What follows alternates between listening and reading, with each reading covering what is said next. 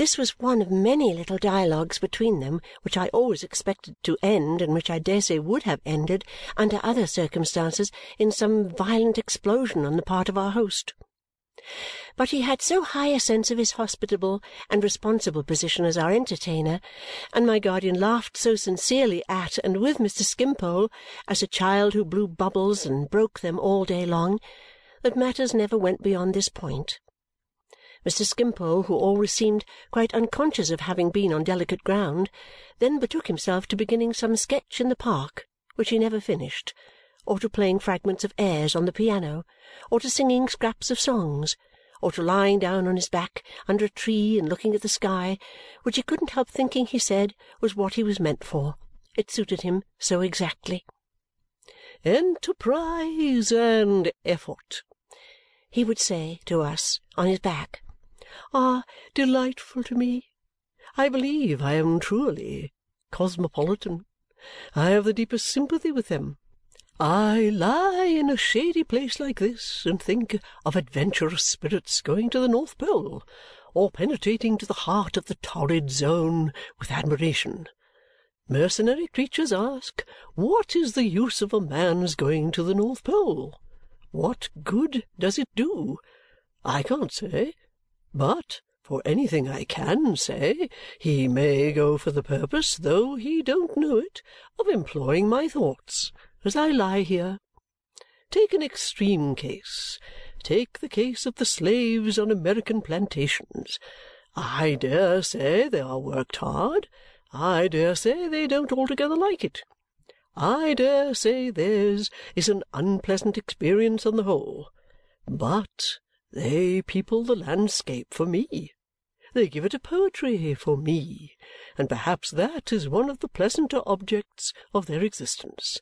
I am very sensible of it, if it be, and I shouldn't wonder if it were. I always wondered on these occasions whether he ever thought of Mrs. Skimpole and the children, and in what point of view they presented themselves to his cosmopolitan mind. So far as I could understand, they rarely presented themselves at all. The week had gone round to the Saturday following that beating of my heart in the church and every day had been so bright and blue that to ramble in the woods and see the light striking down among the transparent leaves and sparkling in the beautiful interlacings of the shadows of the trees while the birds poured out their songs and the air was drowsy with the hum of insects had been most delightful. We had one favourite spot, deep in moss and last year's leaves, where there were some felled trees from which the bark was all stripped off Seated among these, we looked through a green vista supported by thousands of natural columns, the whitened stems of trees, upon a distant prospect made so radiant by its contrast with the shade in which we sat, and made so precious by the arched perspective through which we saw it, that it was like a glimpse of the better land. Upon the Saturday we sat here, Mr. Jarndyce, Ada, and I, until we heard thunder muttering in the distance and felt the large raindrops rattle through the leaves. The weather had been all the week extremely sultry, but the storm broke so suddenly, upon us at least in that sheltered spot, that before we reached the outskirts of the wood the thunder and lightning were frequent and the rain came plunging through the leaves as if every drop were a great leaden bead.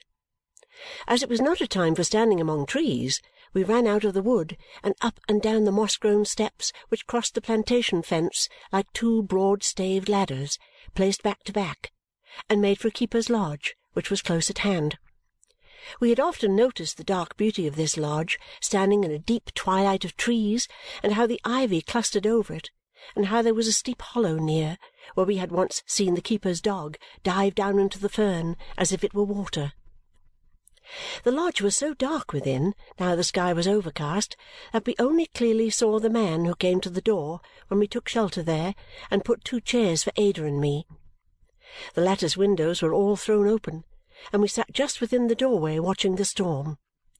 It was grand to see how the wind awoke, and bent the trees, and drove the rain before it like a cloud of smoke, and to hear the solemn thunder, and to see the lightning, and while thinking with awe of the tremendous powers by which our little lives are encompassed, to consider how beneficent they are, and how upon the smallest flower and leaf there was already a freshness poured from all this seeming rage which seemed to make creation new again.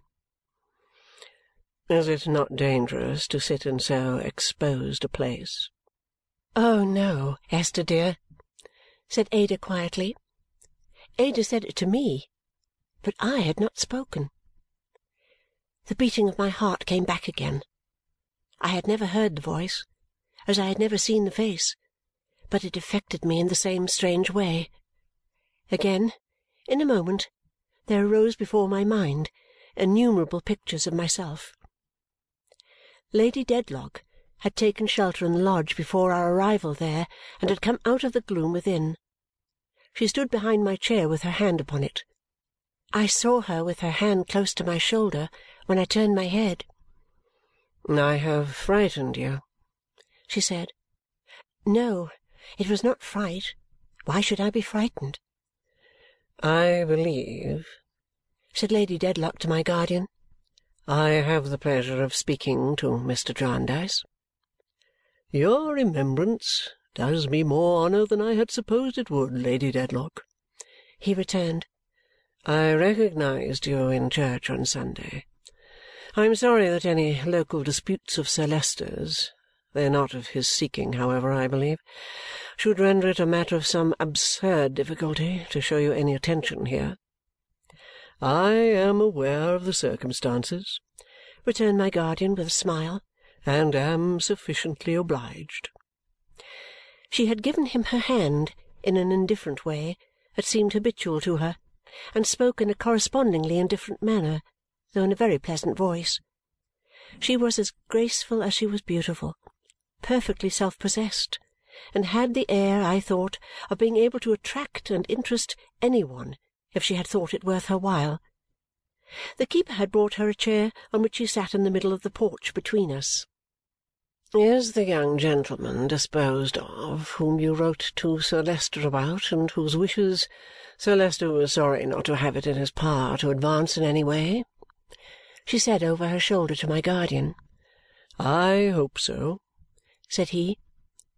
She seemed to respect him and even to wish to conciliate him. There was something very winning in her haughty manner, and it became more familiar. I was going to say more easy, but that could hardly be, as she spoke to him over her shoulder.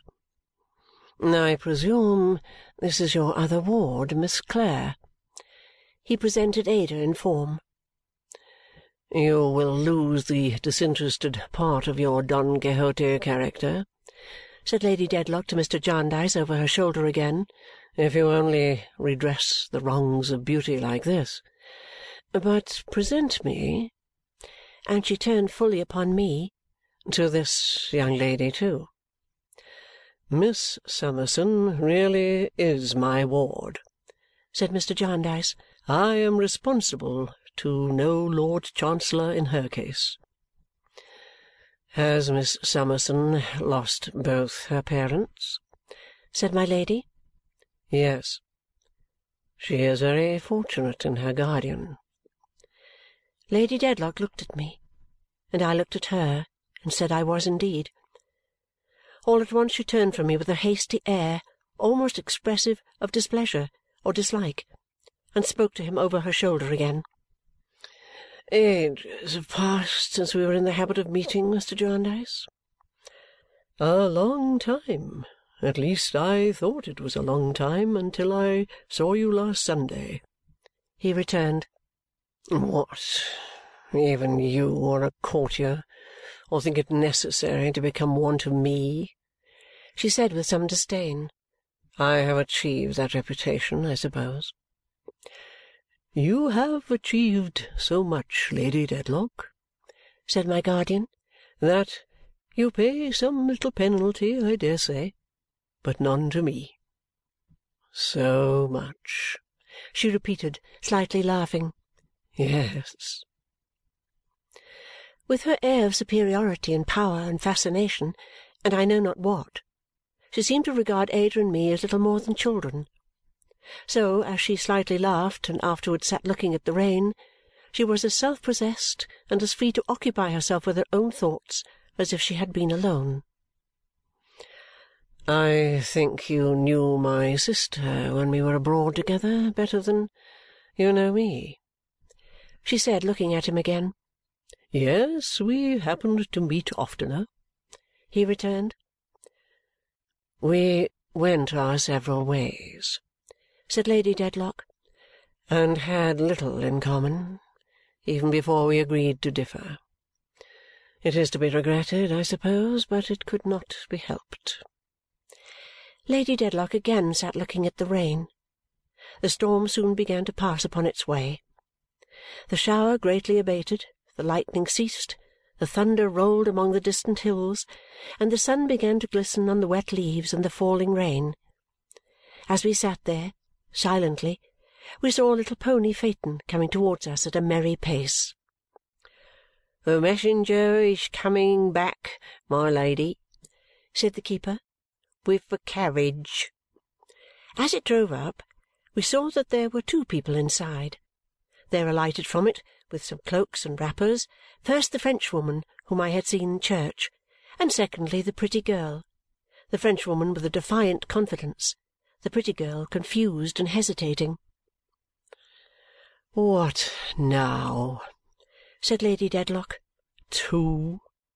"I am your maid, my Lady, at present said the Frenchwoman. "The message was for the attendant." "I was afraid you might mean me, my Lady," said the pretty girl. "I did mean you, child," replied her mistress calmly. "Put that shawl on me." She slightly stooped her shoulders to receive it, and the pretty girl lightly dropped it in its place. The Frenchwoman stood unnoticed, looking on with her lips very tightly set. "I am sorry," said Lady Dedlock to Mr. Jarndyce, "that we are not likely to renew our former acquaintance. You will allow me to send the carriage back for your two wards. It shall be here directly." But as he would on no account accept this offer, she took a graceful leave of Ada, none of me, and put her hand upon his proffered arm and got into the carriage which was a little low park carriage with a hood. "Come in, child," she said to the pretty girl. "I shall want you. Go on." The carriage rolled away, and the Frenchwoman, with the wrappers she had brought hanging over her arm, remained standing where she had alighted. I suppose there is nothing pride can so little bear with as pride itself and that she was punished for her imperious manner. Her retaliation was the most singular I could have imagined. She remained perfectly still until the carriage had turned into the drive, and then, without the least discomposure of countenance, slipped off her shoes, left them on the ground, and walked deliberately in the same direction through the wettest of the wet grass. "Is that young woman mad?" said my guardian. "Oh, no, sir," said the keeper, who with his wife was looking after her. "Hortense is not one of that sort. She has as good a headpiece as the best, but she's mortal high and passionate, powerful high and passionate, and what with having notice to leave and having others put above her, she don't take kindly to it.